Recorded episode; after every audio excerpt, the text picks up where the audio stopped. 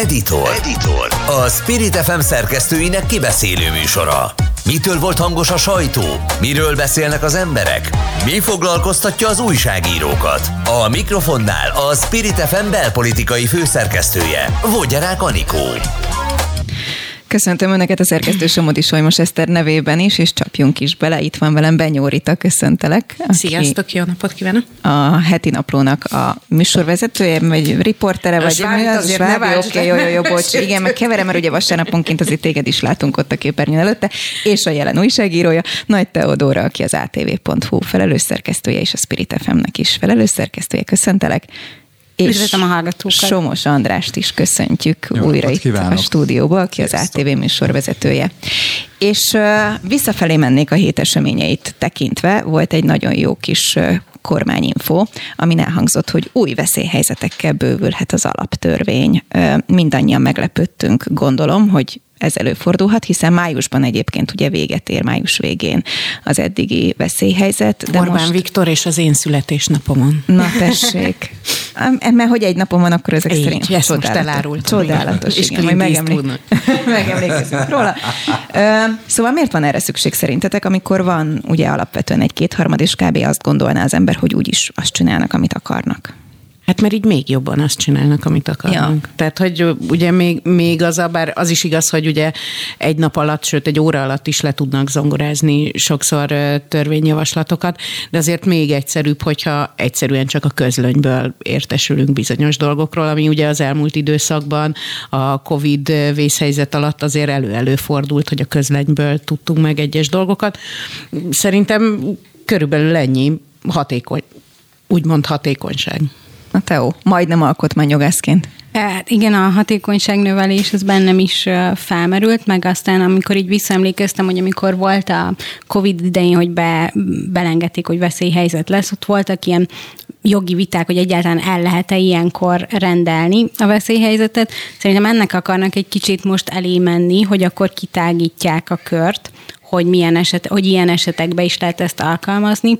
Ugye ez egy különleges jogrend típus igazából, ami van, rengeteg ilyen van, tehát akár terrorveszély esetén, vagy háború, vagy más, más dolgokba is lehet. Ez a veszélyhelyzet ezt eredetileg arra találták ki, hogy tipikusan, ha valami elemi csapás van, akkor lehessen gyorsan gyorsan reagálni a kormánynak, hogy ne, vagy nem lehet összehívni az országgyűlést, vagy, vagy uh-huh. valami ilyen, ilyen esetben lehessen az, hogy akkor igazából a végrehajtó hatalom válik törvényhozó hatalommá is egybe, ami most kétharmaddal egyébként valóságban így van, hogy, hogy annyira, annyira nincsen ez a, így, így elválasztva.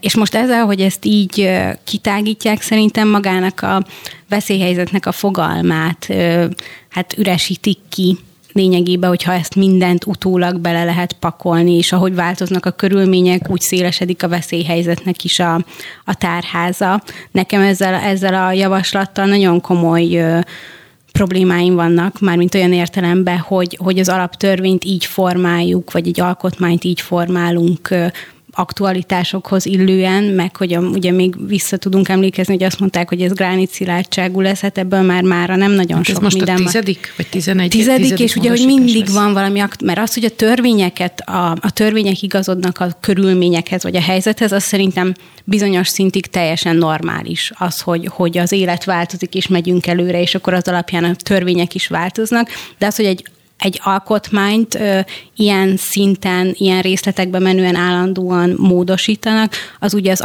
attól az alkotmány jelleg is csorbul és sérül az én ö, értelmezésem szerint. Tehát politikai szempontból meg úgy látszik, hogy ez nagyon megtetszett nekik ez az intézmény, és még, még többször akarják ezt használni és alkalmazni. No, jogászunk. Hát ugye... Meg miért most? Nagy... Tehát, hogyha a háborúra hivatkozunk, akkor felmerül bennem a kérdés, hogy az kettő hónapja tart, majdnem napra pontosan. Igen, de mondjuk ez egy nagy, nagy irányt nyithat ez a hogy, hogy mennyire devalválódik a jogszabály. Ez egy érdekes kérdés, ezt most szerintem a hallgatók miatt átugornám. De ugye amikor a, azt nagyon jó, hogy felidézted, amikor az első hullámja volt a Covid-nak, akkor ugye a veszélyhelyzeti kormányrendeleti kormányzásnak az volt a legfőbb érve, hogy mi van, ha akadályoztatva van az országgyűlés. Majd elkezdtek a képviselők maszk nélkül beülni az országgyűlésbe, ugye? Tehát annyira megnyugodtak, hogy, hogy van egy ilyen kormányrendeleti jogalkotás, hogy tulajdonképpen semmi jelentősége nincs annak, hogy az országgyűlés összeül vagy nem. Na most egyszer sem került veszélybe gyakorlatilag az országgyűlés működése, ami miatt létrehozták, ugye a, még azt is kiiktatták, hogy az országgyűlésnek a kormányrendeletek hatáját ugye idővel felül kelljen vizsgálni. Tehát azt a, hogy mondjam, hát az nagyon pici kis ellenőrző pont volt a rendszerben, hogy egy kétharmados országgyűlés a kormánynak a rendeleteit felülbírálja. De azért hagyd mondjam meg, hogy azért a kormányrendeletekben nagyon fontos jogszabályi garanciákat törnek át. Tehát azokat a, hogy is mondjam, mert ugye az van, hogy a alapjogok lényeges tartalmát csak törvény korlátozhatja, fogalmaz egy ponton az alaptörvény. Ami azt jelenti, hogy most ez nem érvényes. Tehát most ez fel van függesztve ez a cucc, kormányrendelettel simán meg lehet tiltani a gyülekezést. Tehát az a helyzet ma Magyarországon, hogy azok az alaptörvényi garanciák, amely miatt a rendszerváltás létrejött, egy új, egészen más emberjogi szemlélettel, azok most nincsenek. Én azt gondolom, hogy egyébként, és tényleg nagy a, nagy a kísértés, hogy így beleszorulunk egy harcos emberi jogi aktivizmusba, ami felveti a, én tökre megértem, hogy a Fideszes szavazók meg a KDNP szavazók, ha vannak, azok nagyon örülnek az eredménynek, és én nem, akarok, nem akarom ezt lerontani, mert én szakmailag akarok ehhez hozzáállni, de beleszorulok egy olyan szerepbe jogászként, ami felveti azt, hogy érződik a hangomon az indulat. És ezt én nem szeretem, nem szeretem, mert, mert már két éve ez folyik tulajdonképpen, és nincs vége. Miközben egyébként a háború kitörésekor, ha láttuk, akkor a civil szervezetek elvitték az egész ö, ö, migrációs hullám kezelését. A humanitárius katasztrófa, ami most belekerül majd az alaptörvénybe, az azáltal lett megelőzve, hogy az egyébként külföldi ügynök civilek ott voltak a határon, azt megoldották, és egyszer csak széjjel nézett Orbán Viktor, hogy mi a teendő két hét után, és látta, hogy azt mindent elvégeztek. Jó, hát beköltözött a laktanyába, mert onnan kell irányítani, az rendben van. De elnézést, elnézést a hallgatókért, hogy ezt így elmesélem, de én így látom, hogy most szerintem egy üzenet van, hogy úgyis olyan rossz az ellenzéki uh, szavazóknak a, hogy mondjam, a hangulata. Úgyis olyan uh, érthetetlen, ami az országgyűlésben történik, felveszem a mandátumot, nem veszem fel. Majd erről is beszélünk. Oké, okay. na most itt van egy üzenet, hogy teljesen mindegy teljesen mindegy ez az egész történet, mert hogy még az a az a jelentőség is zárójelbe tevődik, ami az országgyűlés értelme, az a, a kontrollfunkció, az, hogy a végrehajtó hatalmat ellenőrizze, úgy, hogy kétharmad van az országgyűlésben. De emlékezz vissza, Andris, hogy egyébként ezt a gyakorlatot, ezt minden választás után szereti alkalmazni Orbán Viktor, hogy konkrétan a választás után úgy van. hoz valami olyan döntést, amin úgy jól fel lehet bőszülni, vagy gondoljatok bele, 14-ben pont a választás után talán egy héttel vagy két nappal a szabadság emlékművet, mi annak a rendes neve? A Szabadságtéri emlékezet emlékmű. E, igen. Azt ugye akkor avatták föl. Így Tehát ami ellen ment a, a uh-huh. tiltakozás. Minden, de azt tudjuk, hogy ne hivatalosan éj, nem avatták fel. Jó, de éj leple alatt ugye oda igen. vitték. Nem volt, a... meg, nem volt felavató ünnepség. De hogy ugye, amit Máig. mondani akarok, a, a, a mhm. lényeg ez a, annyi, hogy, hogy ilyenkor ugye sokan azt mondják, hogy biztos most jön valami konszolidáció, ugye uh-huh. az MTV-s folyamatokból is volt, aki azt olvasta ki, hát és akkor ez egy ilyen bemutatás azoknak, akik ezt gondolnák, hogy De hogy te is érzed ezt, Rita? Tessék nektek konszolidáció. Te is érzed ezt, aki merőben szakmailag próbálsz hozzáállni az újságírás tárgyához? Te is érzed ezt, hogy csak azért is ezt nektek? Tehát, hogy... Ja, de mondom, tehát, hát hogy egy ez egy erőfitoktatás. Ez egy bevett gyakorlat Orbán Viktortól, és ő szerintem ezt is vár várja, hogy te egy kicsit dühös és emelt hangon szóljál ilyenkor, mert akkor kilépsz a független mindenki újságírói tudja, szerepedből, és mindenki a független szerepéből kilép egy ilyen helyzetben, és neki ez mindig jó. Tehát politikailag neki ez érdeke. Viszont ami nagyon érdekes ebben, hogy néztem a kormányinfó után az ellenzéki reakciókat, és hogy a mi hazánkon kívül nem láttam fellépést a pártoktól néztem. ezzel szemben, holott ez egy olyan eszköz lenne, amit ők a saját hogy mondjam, céljaikra is tudnának formálni, hogy hát még mindig veszélyhelyzet van, még mindig különleges jogrend van, még mindig bizonyos alapvető jogainkkal, szabadságjogainkkal nem tudunk élni, és, és hogy ez nem elég, hanem ki akarják terjeszteni ezt az egészet, és akkor most vonuljunk tüntetni akármi, nem, még mindig az van, ugye, hogy a választás utáni sebek nyalogatása, mutogatás, ki hány szavazatot kapott, meg adott össze magának, és a többi megy. Holott van egy nagyon jó téma, amit fel lehetne dolgozni, és a mi hazánknál jelenik meg az, hogy amúgy valamilyen szinten szakmai, nem, nem csak aktuál politikai szempontból reagál erre az egészre. De miért te például azt láttad, hogy a választás utáni másnap mondjuk elkezdtek volna készülni a saját maguk által meg megrendezendő népszavazásra, ami elvileg lesz nyáron vagy kora ősszel. Szóval hogy azt gondolnám, hogy egy ilyen esemény után azt mondjuk, hogy jó, majd a sorainkat rendezzük, meg nyilván az tehát, egy belső munka. Tehát a Fidesz ezt csinálta volna. Igen. igen. Tehát a Fidesz ezt csinálta volna. Ugye szokták mondani jellemzők Zárójel, is. Bocsánat, zárójelbe teszi a választást, hogy az nem volt, azt mi megnyertük, azt most hagyjuk, de hogy koncentráljunk a következő feladatra. Így van, igen, igen. És ugye azt szokták mondani elemzők, hogy a legegyszerűbb feladat, amit az ellenzéknek el kéne végeznie egy-egy ilyen magas labda esetén, hogy leül, és azt mondja magába, hogy mit csinálna most Orbán Viktor, ha ellenzékben lenne. és nagyjából ki lehet találni, mert egyébként van hozzá elég sok tapasztalás, és igazából általában azok olyan forgatókönyvek, amelyek működnének. Jó, csak erre mondja nagyon sok, mondjuk akár ellenzéki érzetű választópolgár is, hogy jó, jó, de ugye azt látjuk az elmúlt hetekben, hogy igazából megy az egymásra mutogatás, ezen már túl vagyunk szerintem, mindenki kiventilálta magát, hogy akkor szerinte rajta kívül mindenki más miért hibás, és most megmegy az, hogy akkor egymásnak esünk, majd erről is beszéljünk külön, hogy a kis cicaharc vagy sem, hogy az LMP párbeszédben ott éppen mi történt, de erre mondja azt a, a, a választópolgár, hogy figyelj, hogyha ők nyertek volna, akkor ugyanez van? Vagy akkor, akkor mi történik? Mint ahogy miért nem reagálunk például egy ilyen ügyre, vagy miért nem foglalkozunk a népszavazással? Hát én nem tudom elképzelni, hogy mi történt volna, hogyha Márkizai Péter vezetésével nyer ez a koalíció. Tehát, hogy szerintem tényleg olyan folyamatok indultak volna el, ami egyrészt akár ezt az egész civakodást, amit láttunk azért, lehet, hogy konszolidálja, de benne van a pakliban, hogy hogy a pozícióharcok indultak volna meg, de hát mondjuk ez nagyon történelmietlen Igen. erről egyáltalán. Mi lett volna, ha? No.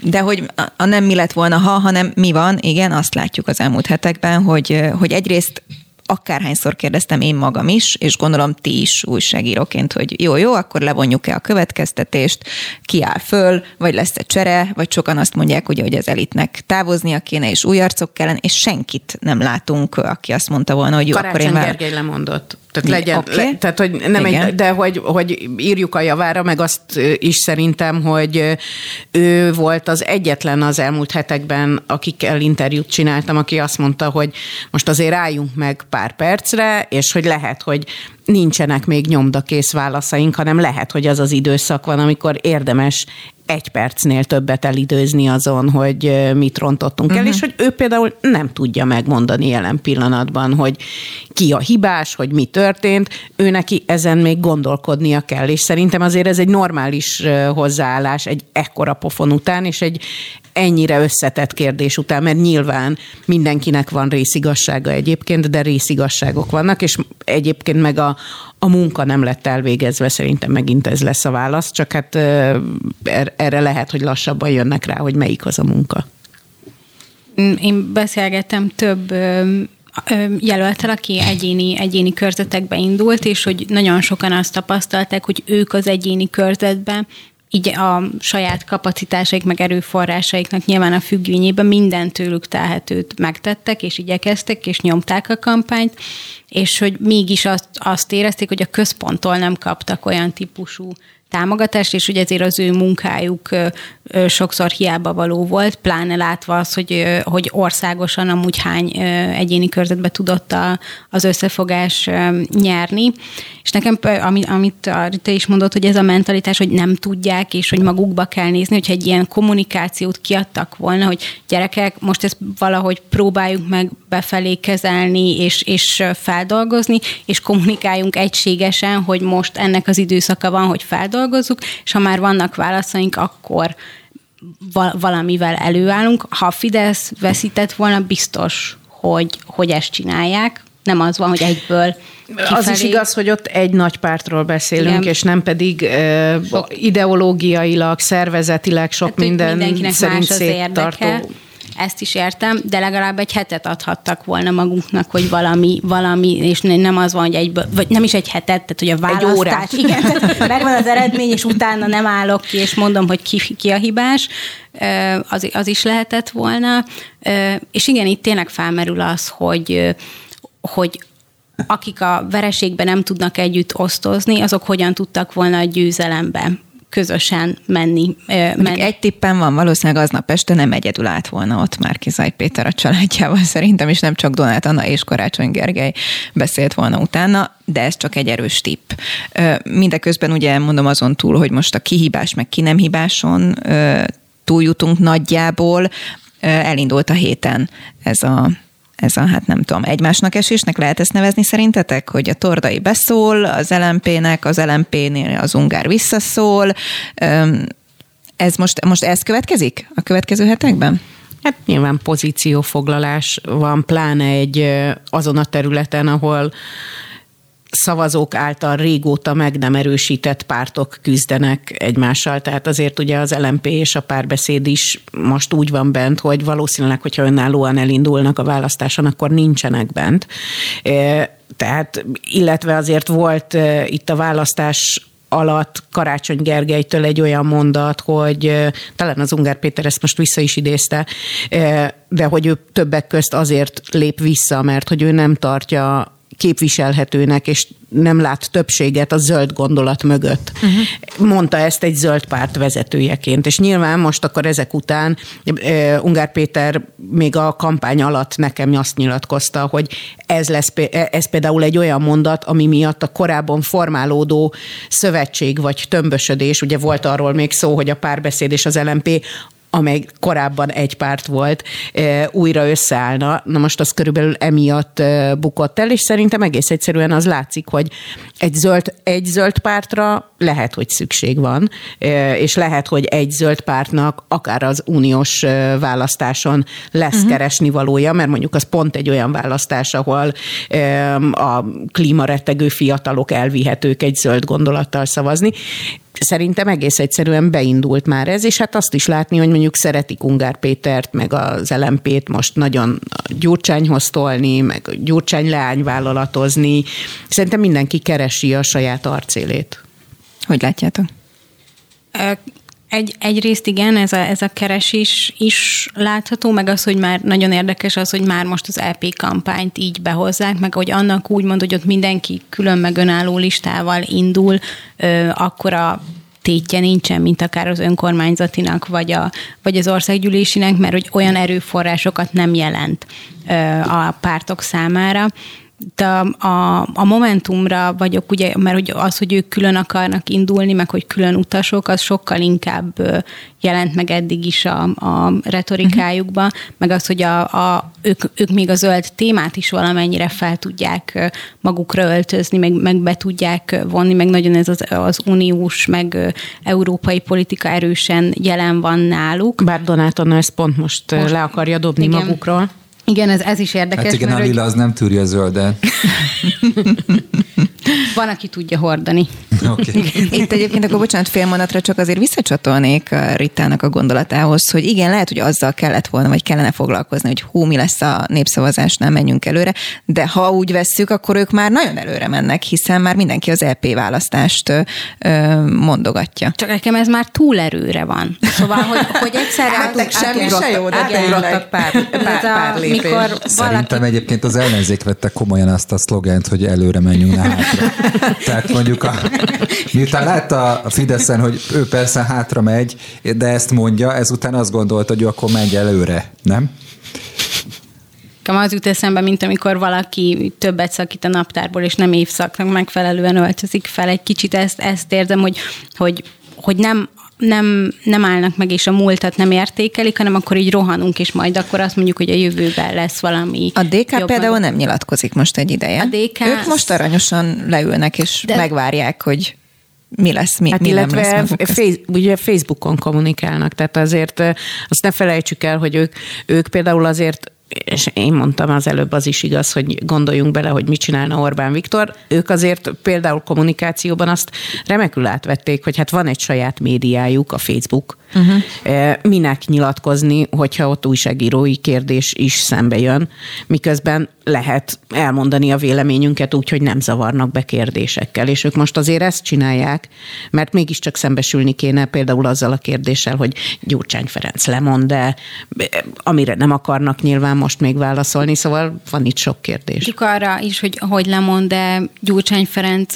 a DK szempontjából ez a kampány ez sikeres volt, vagy valami, szóval hogy legerősebb. Hát igen, azért nem felejtsük el, hogy Gyurcsánynak volt egy elég erős beszéde, amelyben kb. a... Zsöszvi Gyurcsány. Igen, Zsöszvi igen. Igen, tehát hogy az igen. nem arra utal annyira szerintem, hogy nem, egyáltalán elgondolkodna azon, hogy le kéne mondani. Hát meg ugye a saját, a DK szavazó táborba biztos vagyok benne, hogy ilyen kérdés fel sem merült. De ez nem, pont a, beszéltük itt már adás előtt is, van egy kutatás, ami a héten jött ki, a 21 kutatóközpont az iránytűvel végezte, ahol az jött ki, hogy még a DK szavazóinak a 42%-a is azt mondja, hogy jót tenne az ellenzék összmegítélésének, hogyha Gyurcsány Ferenc a háttérbe vonulna.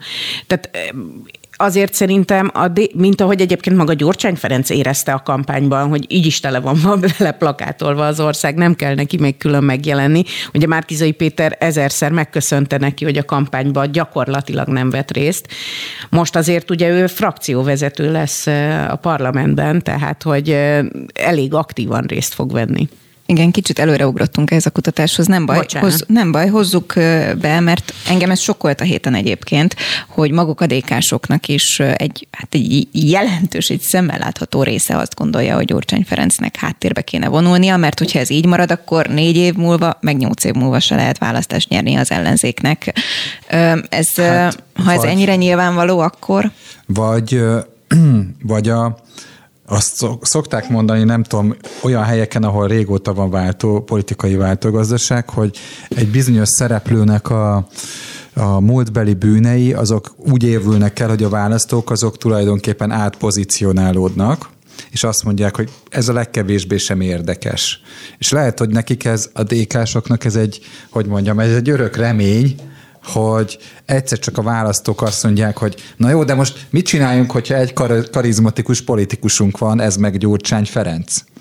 Sokan azt mondják, hogy Dobrevet kéne oda Ezt, ezt akartam mondani, hogy a, én a DK-s válaszok mögött ezt sejtem, hogy két karizmatikus uh-huh. politikusuk van, Gyurcsány Ferenc és Dobrev Klára, és Dobrev Klára akár az előválasztásban nyújtott teljesítménye meg kampány alapján. Akár az uniós akár az uniós választás, meg hogy a, amúgy az egész kampányban ő is nagyon fegyelmezetten tolta a szekeret, hogy azt mondják, hogy a Dobrev Klára, hogyha gyurcsánytalanítva van, ami nyilván egy elég nehéz dolog, akkor fel tudna lépni vezetőként. Ha maradné, maradni. De erre mondta nekem egyébként Lakner Zoltán pár hete, hogy azért az is benne van, hogyha ha Gyurcsány nem indul el, akkor is felrakható egy plakátra négy év múlva is az összes többi hát politikus, úgyhogy igen. Olyan, hogy mi, Soros. És nem kell ott lenni egy Gyurcsánynak ahhoz, hogy mini Gyurcsány legyél, vagy mini Feri legyél. Simán. Uh-huh. És hogy, hogy ez egy olyan ütőkártya, ami sokáig használható, anélkül, hogy ő a valóságban is ott lenne. Nyilván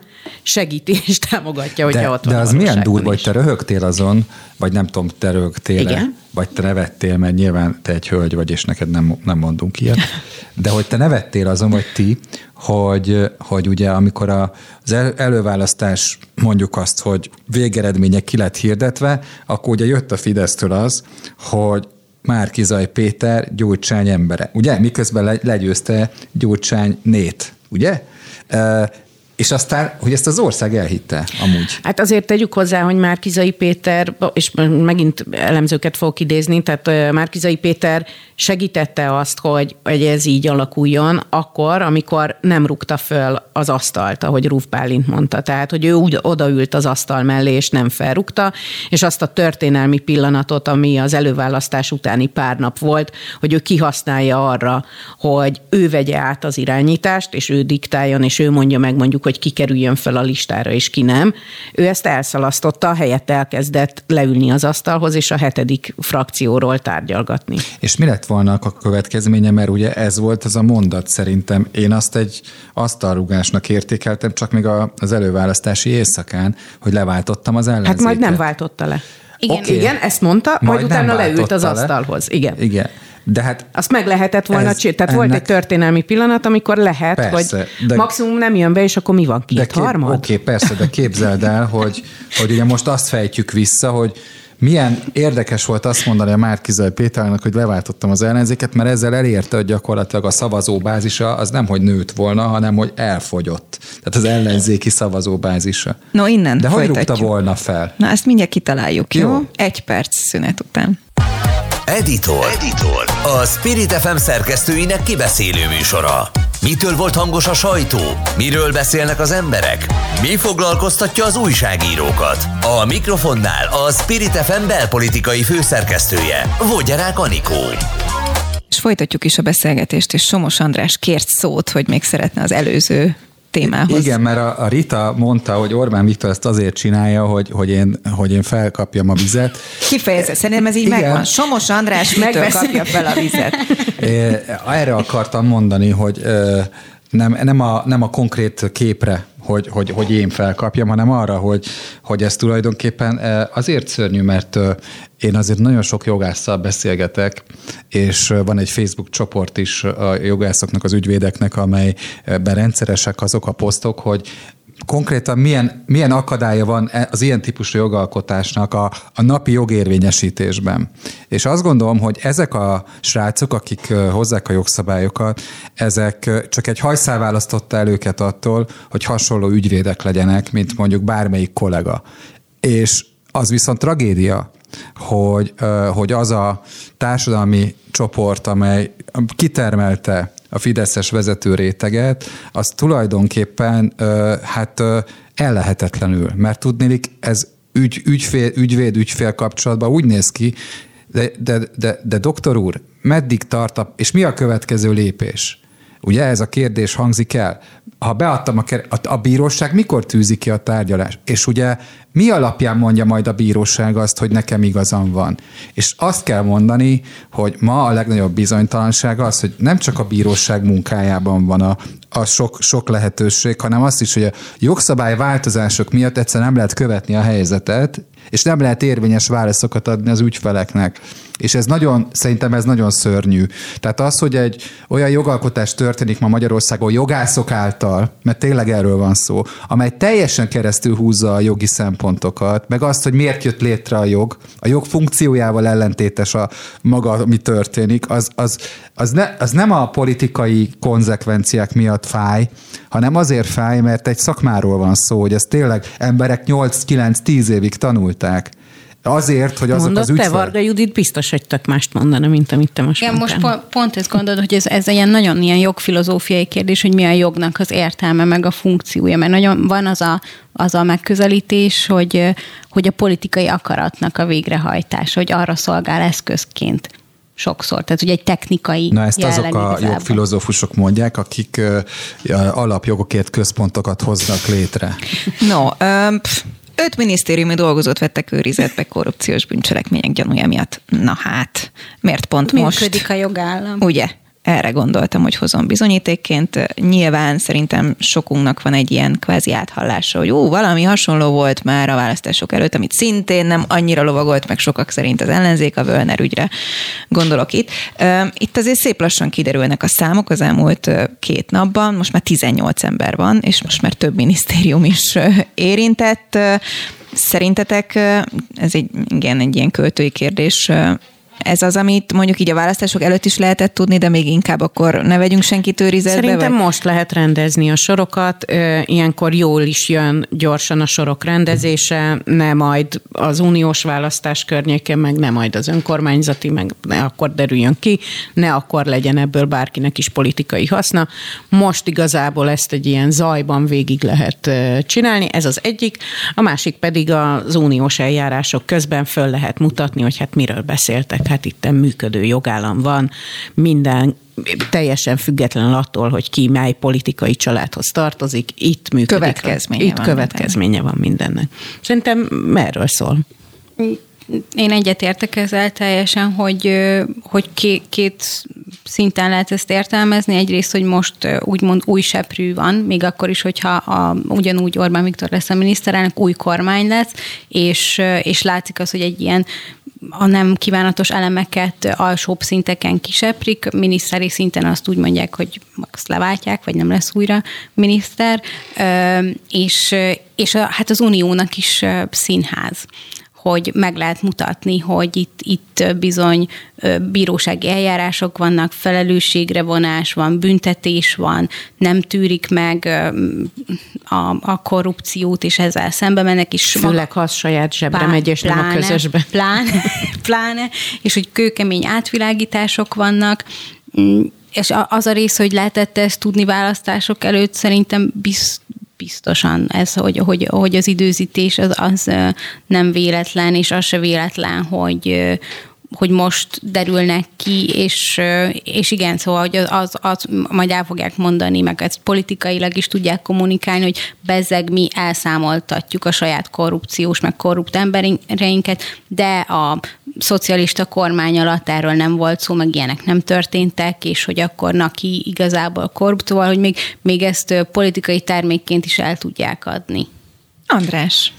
Hát múlt héten volt egy statisztika egyébként, hogy a magyar kormány nagyjából 220-250 milliárd forint értékben fizetett úgy vissza Brüsszelnek forrásokat, hogy azok előzménye volt az, hogy megállapította az Európai Bizottság, hogy szabálytalan eljárásban történt a kiutalása a pénzeknek, és inkább azt választotta a magyar kormány, hogy ezeket visszafizeti, és saját forrásból megfinanszírozza. Ja, ami az Elios ügy volt, ami igen. hangosan ugyanígy lett Az csak 13 milliárd, igen. igen. De ugye azt mindannyi a hallgatók vagy nézők mindannyiuk fizette ki gyakorlatilag azt, a, azt az eljárást, ahol gyakorlatilag a pályázatírók és a pályázatról döntők ugyanazok voltak, ugye? Majd a, ugyanazok valósították meg, tehát hogy ez, ezt így jól megszervezték. Sőt, egy, egy főosztályvezető, aki döntött minden pályázatról, az még pályázatíró volt az előző körbe, tehát hogy ez így jól le volt. Na most az, hogy ebben az ügyben,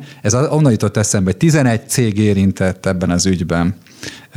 Miközben az egész rendszer úgy alakult ki, hogy ezeket a pénzeket így lehessen felvenni, és nem tudom, a, azt a statisztikát arra már nem emlékszem, de erre is volt kimutatás, hogy minden hanyadik eljárás volt az, amiben szabálytalanságot találtak, de hogy tényleg, és én szerintem ezek, ezek a, a, az emberek, akik most a minisztériumban osztályvezető szintig jutottak, igen, igen. ezek szerintem valami más csinálhattak. Tehát, hogy az a probléma, az a probléma, hogy más is volt ott. Szerintem.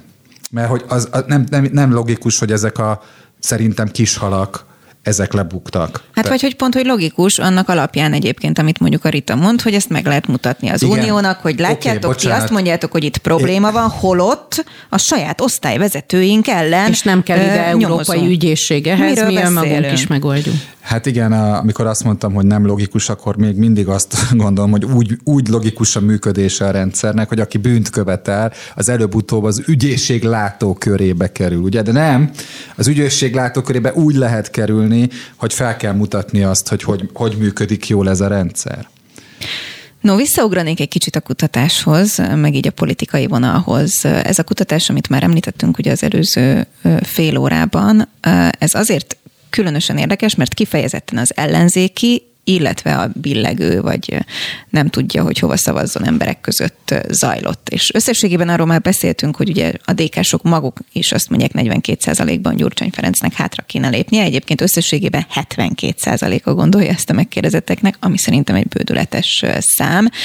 De ugyanezt megkérdezték Márkizaj Péter visszavonulásáról is, és ott egyébként az összesített szám az mindössze 49, tehát igazából sokkal több kvázi ellenzékű érzetű választópolgár gondolja azt, hogy Gyurcsány Ferencnek el kéne mennie, mint mondjuk Márki Zaj hát Péternek. azt a 49 ot nem emeljük piedesztára, szóval hogy arról van szó, hogy a, az ellenzék eddigi vezetője, akit miniszterelnök jelöltnek megválasztottak, arról az ellenzéki fele. szavazók uh-huh. fele azt gondolja, hogy nem alkalmas erre a pozícióra.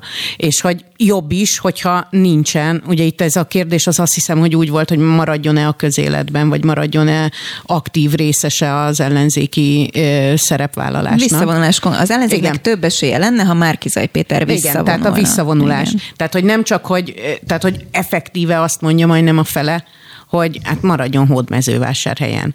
Úgy, hogy ő aspirált a miniszterelnökségre. Szerintem ez persze ő nyilván úgy fogja olvasni, hogy kevesebben mondták rá, mint Gyurcsány Ferencre, és ez így is van, de hát ez még mindig nem azt jelenti, hogy akkor megvan az ellenzék lehetséges vezetője nem azt látjuk, hogy bárki igen visszavonulna, sőt, itt szünetben beszéltünk róla, hogy Jakab Péter például posztolt egy, egy nagyon sikeres eredményekről tanúskodó grafikont, öt órával ezelőtt egyébként a Facebookon, amely szerint a Nemzeti Választási Bizottság adatai szerint az egyes ellenzéki pártok ennyi szavazatot hoztak, ugye április harmadikán, és csináltak egy grafikont, amelyben másodikként 489 ezer szavazóval a Jobbik jeleskedik. Hát igen, csak ugye itt az egyénieket összeadogatta, tehát nem véletlen, hogy egyébként Soproni Tamás a Momentum képviselője kommentelte, hogy lehet, hogy ideje lenne elmennie nyaralni Jakab Péternek. Hát tehát igazából nekem az a megdöbbentő, hogy Jakab Péter nem, hogy nem mondott le, hanem úgy tesz, mintha a jobbiknak nem lenne sem, mert lehet azt mondani, hogy igen, mi is hibásak vagyunk, igen, a jobbik elvesztett bizonyos szavazómennyiséget, de hát úgy érzem, hogy most, most van itt az a pillanat, amikor nem szabad elengednem a párt kezét, mert mm-hmm. szétesne, lehetne ilyen mondatokat nem, is mondani. üzen szó De ő nem ezt teszi, hanem azt mondja, hogy mi mindent jól csináltunk körülbelül. Tehát, hogy ő azt mondja, hogy miről beszéltek? Hát én, én jól szerepeltem, tehát hogy ő egyszerűen nem néz tükörben, itt, tükörbe szerintem ez a probléma. Igen, itt a tükör kérdése jó, jó, jó, jó felvetés. Ugye a választási eredmény után a, a Jobbikon belül Riglajos volt az, aki első között bejelentette, hogy kilép a Jobbikból és visszavonul a politikától, tehát hogy ő, ő egy nagyon kemény és, és, és elszánt és fegyelmezett kampányt folytatott a saját kerületébe, és ő, ő ezt vonta le. Ezt. Nem csak kampányt folytatott egyébként, hanem többször beszéltünk vele úgy is, mint a koronavírus idején Igen. önkéntes mentősként. Igen, tehát, szóval, hogy ő, ő, ő, ő nem neki, csak politikusként. Nem csak politikusként, tehát meg az, hogy ugye helyben emiatt is, nem helyben, országosan emiatt is ismerté, ismerté vált, és, és a párton belül is voltak olyan hangok, hogy most ennek a, akár a Stummer Jánosnak a megjegyzései, hogy, hogy nem ennek az ideje lenne így, meg azt, hogy, hogy ezt az eredményt is úgy ünnepli, hogy ugye a Jobbik annak idején 20%-os listás eredményt ért el. Szóval, hogy az, hogy ő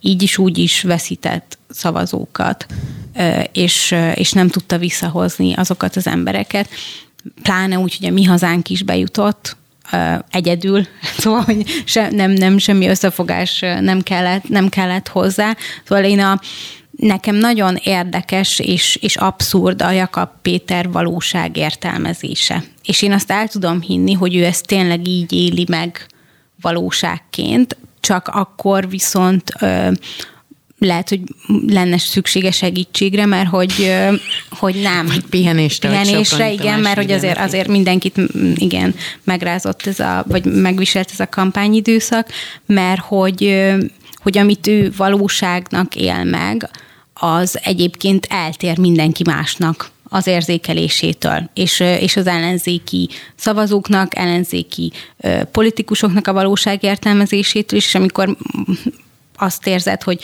hogy egyébként mindenki szembe megy veled, akkor, akkor lehet, hogy te mész rosszába az autópályán, nem mindenki más a hülye.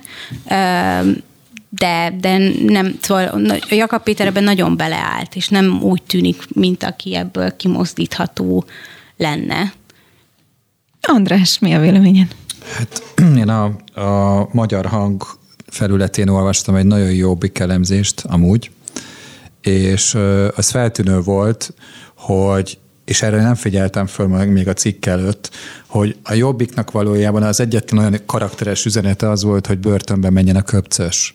Tehát, hogy amúgy el kellett volna azt ö, magyarázni, hogy a, például az antali hagyományokból, amely hagyományosan jobboldali és konzervatív érték, hogy mi az, amit a Jobbik fontosnak tart átemelni, mert hogy ezzel például mondja az elemzés, jelentősen ö, szélesíthette volna azt a bázist, ahol a Jobbik rászavaz, vagyis a, a jobboldali szavazó a Jobbikra szavaz, és hogy Egyébként meg a szociális programja a Jobbiknak, az meg nem volt hangsúlyos, tehát hogy amellett, hogy az örökséget nem hangsúlyozta, amellett radikális változás mellett érvelt, és egy olyan fajta ö, jogfosztás mellett ö, tette le a voksát, amely ugye a magyar hagyom, a, a Budai Gyula, a Papcsák Ferenc, Keller Lászlói hagyományok után, ne, nem, hogy mondjam, hát a, nem tudom melyik választó gondolta, hogy itt Orbán Viktor börtönbe megy. Tehát, hogy szerintem ez egy nonsens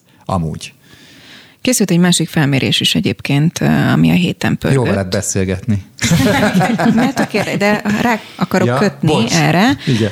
Hogy egyébként mit gondolnak a választók például Jakab Péterről. Megkérdezték ugye azt, hogy ki a legszimpatikusabb politikus Úgyhogy szerintem ki nem találná a hallgató, hogy Orbán Viktor nyerte ezt a, ezt a felmérést 58 kal és utána csak 20 ok következnek, de az ellenzék köréből egyébként, és kíváncsi vagyok, hogy titeket ez meglepette, Donát Anna a legszimpatikusabb az embereknek, aztán Karácsony Gergely, De csak és egy, rögtön egy utána egyébként... Pont van a kettő között, ugye? Igen, igen, 29 a Donát Anna, Karácsony Gergely 28, és rögtön utána egyébként ott van Jakab Péter, tehát hogy Jakab Péter öm, ellenzéki párt vezetőként azért benne van az első háromba, hogy ki a legjobb arc, hát, szerinted? Most, itt bocsánat, de különben otthon megdorgálnak, hogyha ezt nem kérdezem meg, és nem vetem fel, szóval nem tudom, hogy kinek a kutatása milyen módszertannal, és Irányító milyen intézet felmérése. És milyen, kér, és milyen kérdésre adott válaszsal, mert ugye itt azért ez nagyban tudja befolyásolni pont a népszerűségi indexeket, de szerintem Donát Anna egyébként nagyon jól érezte meg ott a választás éjszakáján a magára hagyott Márkizai Péterrel, hogy ha fel akar mutatni egy szimpatikus ellenzéki uh-huh. arcélt, akkor itt Oda van, megyek, itt van a pillanat, itt van a pillanat, és ugye azt se felejtsük el, hogy ő az egyetlen, aki gondolkodott, majd utána egy alapos hét pontot írt, amivel lehet vitatkozni, meg lehet egyetérteni, de ő végig gondolt bizonyos dolgokat, még saját magukkal vagy a Momentummal szemben is kritikus, például a már említett uniós vagy európai identitáspolitika háttérbe tevése, ami egyébként a szalagcím az, az szerintem félreérthető, amit egyébként ő adott, mert ő azért aztán kifejti, hogy nem azt jelenti, hogy innentől nem fogják képviselni a kisebbségeket, például a melegjogokat egy ilyen népszavazás esetén, csak annyit jelent, hogy nem szabad mondjuk szivárványszínű zászlók Facebook posztolásában megállni, és ezt tekinteni a politizálásnak. De hogy az biztos, hogy ő most megérezte azt a pontot, hogy most itt lehet valódi politikussá, vagy karakteres politikussá válni, és ő szerintem sokaknál, például azzal, hogy nem szerintem hagyta magára már Kizai Pétert, megnyomott egy olyan gombot, ami, ami maga mellé állítja az ellenzéki szavazókat. Igen, elnézést kérek a megjegyzésért, mert nem tudtam, hogy rám fűzöd a gondolatodat, de hogy az, az való igaz, hogy az iránytő intézet ugye azt mondják, hogy ez közel áll a jobbikhoz, de szerintem egyébként abban nem tévednek, hogy a, a, azokon a helyeken, ahol a Jobbik képviseletében feltűnt Jakab Péter, ott az én információim szerintem, amit nem a jobbiktól származnak, ott, ott, ott sikert arat. Tehát, hogy ott ő magával tudja a közönséget, meg a felszólalásai a parlamentben, tehát azt ne felejtjük el, hogyha... Csak abból csak Facebook lájkok lesznek, vagy rendes van, szavazat ez, ez is lesz ez szempont. azért... Igen, igen, de hogy a politikustól azért várja az ember, hogyha azt nézed, hogy az előző ciklusban ellenzéki felszólalóként kit kit próbálsz fölemelni, azt mondani, hogy ő igen, ő egy szónoki teljesítmény, akkor azt mondod, hogy hát ebben van valami, hogy Jakab Péter ö, jut eszedbe elsőként, mert ő mondott olyan közérthető felszólalásokat, amiknél nem azt érzed, hogy elalszol az első perc végén, hanem egyszerűen meg, meg tudod érteni, hogy mire gondol, még akkor is, hogyha esetleg azt érzed így elemzőként, ugye? Vagy otthoni eh, kapcsolatokkal rendelkező elemzőként, hogy, hogy hát igen, attól függ, hogy kikutatja meg. Nyilván. Hát Igen. meg az, hogy a, mondjuk Jakab Péter a parlamentben is Orbán Viktor elég sokszor elküldte a börtönbe, meg ezt jelezte, és, és ez tud rezonálni bizonyos... Mennyi büntetést Igen, mennyi büntetést miatt. összeszedett ezek miatt. De hogy ez egy dolog az, hogy valakinek tetszik a kommunikáció vagy retorikája, de hogy közben nem biztos, hogy el tudod róla hinni, hogy kormányzó képes, és hogy a cselekedetek terén is, is ott lenne, és nagyon sokszor ugye az volt, hogy az ilyen különböző like versenyeket ellenzéki oldalon magasan nyerte Jakab Péter. Ehhez képest azért az előválasztáson elért eredménye egy elég jól kézzelfogható közvéleménykutatás volt az ő kormányzó képességébe vetett hittel kapcsolatban a, a Donátannál, mert ugye Donátannál is megjelent ez a népszerűségindex, hogy én a, a, a választás estén azt láttam, hogy ő nagyot ugrott, meg sokat nőtt az ellenzéki szavazók uh-huh. szemében, mert hogy tényleg ő, ő osztozott a, a vereségbe, és egy nagyon őszinte és emberi reakciója volt egyből, ami, ami szimpatikussá tette, és azt éreztem, hogy ő ott épít valamit, vagy elkezd építeni a Momentumnál, aztán megjelent a Fekete Győr András azzal, hogy nem ülnek be az alakuló ülésre, és aztán így akkor nekem meg az volt, de én most itt érzésekről beszélek, nem, hogy jó, akkor most jött Fekete Győr András, és rombolja le. Okay, igen, aki sokak szerint mit keres ott, és akkor ez is egy kérdésem maradt bő öt percünk, mert elszaladt ez az óra, és bár Bruce Willisről nagyon szerettem volna beszélgetni, nem fogunk, mert hogy ez a kiveszi fel, ki nem veszi fel a mandátum, szerintem ez is rettenetesen izgalmas, és kíváncsi vagyok a véleményetekre. Brenner Brenner Kolomon egyébként pont itt a Spirit fm úgy nyilatkozott ezzel kapcsolatban, hogy a Momentum látszatpékséget csinál, mert hogy egyébként más kommunikálnak, mint amit tesznek, mert hogy azért a Fekete Győr András felvette a megbízó levelét Orbán Viktor társaságában. Szerintem egy kicsit rosszul olvasták egyébként a Momentumnak a mondatait, mert hogy soha nem mondták, hogy nem veszik fel a mandátumot. Egyik képviselőjük sem mondta. Hatházi Ákos volt a legradikálisabb ebben, aki ugye azt mondja, hogy a parlamenti mandátumot azt felveszik, hiszen például az egyéni jelöltek tartoznak ezzel a 20-30 ezres szavazóiknak azt mondják, hogy parlamenti tisztségeket, például parlament alelnökséget, vagy bizottsági elnökséget ne töltsenek be. Ugye a parlamenti elnökség, alelnökség az például egy plusz 800 ezres fizetése jár a képviselői fölött, és valóban nem csinál mást egy alelnök, mint hogy megadja a szót. Hogyha azt mondják ők, hogy egy kiüresített parlamentarizmus az, ami nálunk van, akkor ezeket a tisztségeket nem felvenni valóban lehet egy szimbolikus jelentőségű. Szerintem egyébként, aki elindul a választáson, és azt mondja, hogy ezek mellett a játékszabályok mellett, amit tudok előre, elindulok, és tudom azt, hogy milyen parlamentbe fogok beülni, az eredményhirdetés után nem mondja azt, hogy mégse. Tehát, hogy ez tényleg a, a szavazók szavazatokkal való visszaélés is, hogyha akkor azt mondod. Egyébként meg van példa, ott van Szél Bernadett, aki most nem tudom, hogy be fog ülni végül, vagy nem fog beülni, megkapja a mandátumát már Kizai Péternek, vagy nem.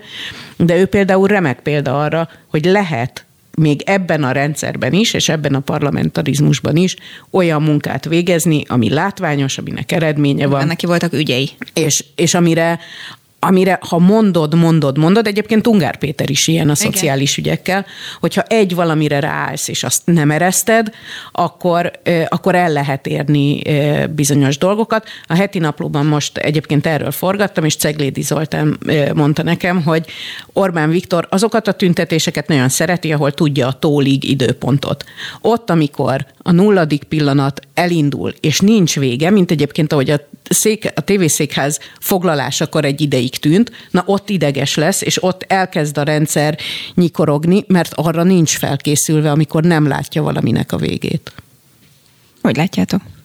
Ö, a, igen, itt az alakulóülésen a, ezeket a parlamenti tisztségeket szokták kiosztani, és akkor arra, arra volt ez, hogy akkor ebbe, ebbe nem vesznek részt, viszont a nagyon elsőre az olvasata vagy, vagy az értelmezése nagyon nehézkes volt szerintem, vagy nem, nem, nem jól volt kommunikálva, mert ugye aztán már azt is, amikor Orosz Anna bejelentett, hogy egyértelmű, hogy átveszi a mandátumát, hogy akkor nagyon tudta úgy a média kihozni, hogy itt a párton belül is különböző konfliktusok voltak, és szerintem ebbe igenis van a pártnak felelőssége, hogy hogyan kommunikálnak ilyen dolgokat, meg hogyan építenek fel, és az viszont meg látható volt, hogy amire az emberek pozitívan reagáltak, ez, a, ez az emberarcú, emberközeli, érzelmekre ható megnyilvánulás, amit Donát Anna a részéről jött és láttak, és nem ebbe a parlamentalizmus technikái és ügyei, és akkor most mi, mi. Tehát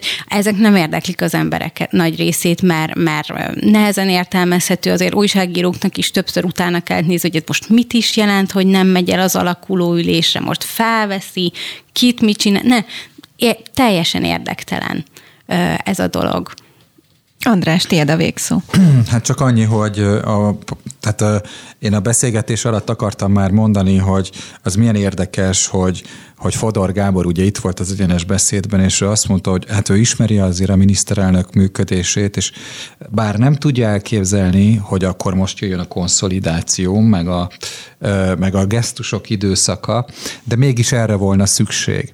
És az, azt én egyrészt ugye mindig értem, hogy Fodor Gábor a 90-es évek elején miért volt annyira népszerű, de mindig, mindig újra és újra megélem egyfajta veszteségként, hogy, hogy ő ezeket a mondatokat most elmondja. Mert szerintem ez nem a helyzet adekvát reakció, hanem az a helyzet adekvát reakció, hogy a parlamentben például az, hogy nincs egy, nincs egy olyan bizottsági ülés, amely például kideríteni, hogy a Pegazus ügyben mi történik. Tehát, hogy, tehát, hogy ilyen alapvető kérdésekben, tehát, hogy biztonságban vagy-e, nem, nem, nem ülnek-e a, a csávók kint a, a lefüggönyözött buszban, és nem figyelik-e azt, hogy a Viberen mit, mit írsz. Hát, vagy a drónok hogy jönnek, vagy okay. hogy nem jönnek. És hogy nem ezek, kell ülni ezeket a kérdések, mert jó, van egy tapasztalat a Piton ügy, tehát hogy a megfigyelési ügy a Dajs Tamás és Pokorni Zoltán családtagjának megfigyelése ami nem történt meg mellesleg, de ez most mindegy, hogy ez alapján már egyetlen vizsgálóbizottság se áll fel, az rendben van, de az, hogy állandó bizottság... Nincs rendben. Jó, úgy van rendben, úgy van rendben, hogy, hogy rendben. De értem, csak...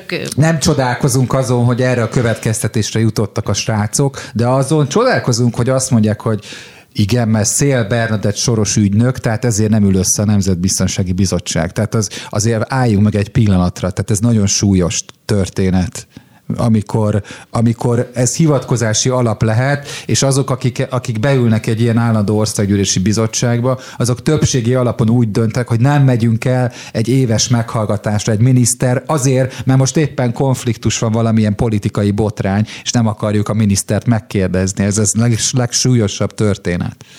Nem gondolom, hogy a bizottságoknak hangsúlyosabb szerepe lesz a következő négy évben, mint mondjuk az elmúlt időszakban. Nem tudom, ti hogy vagytok vele.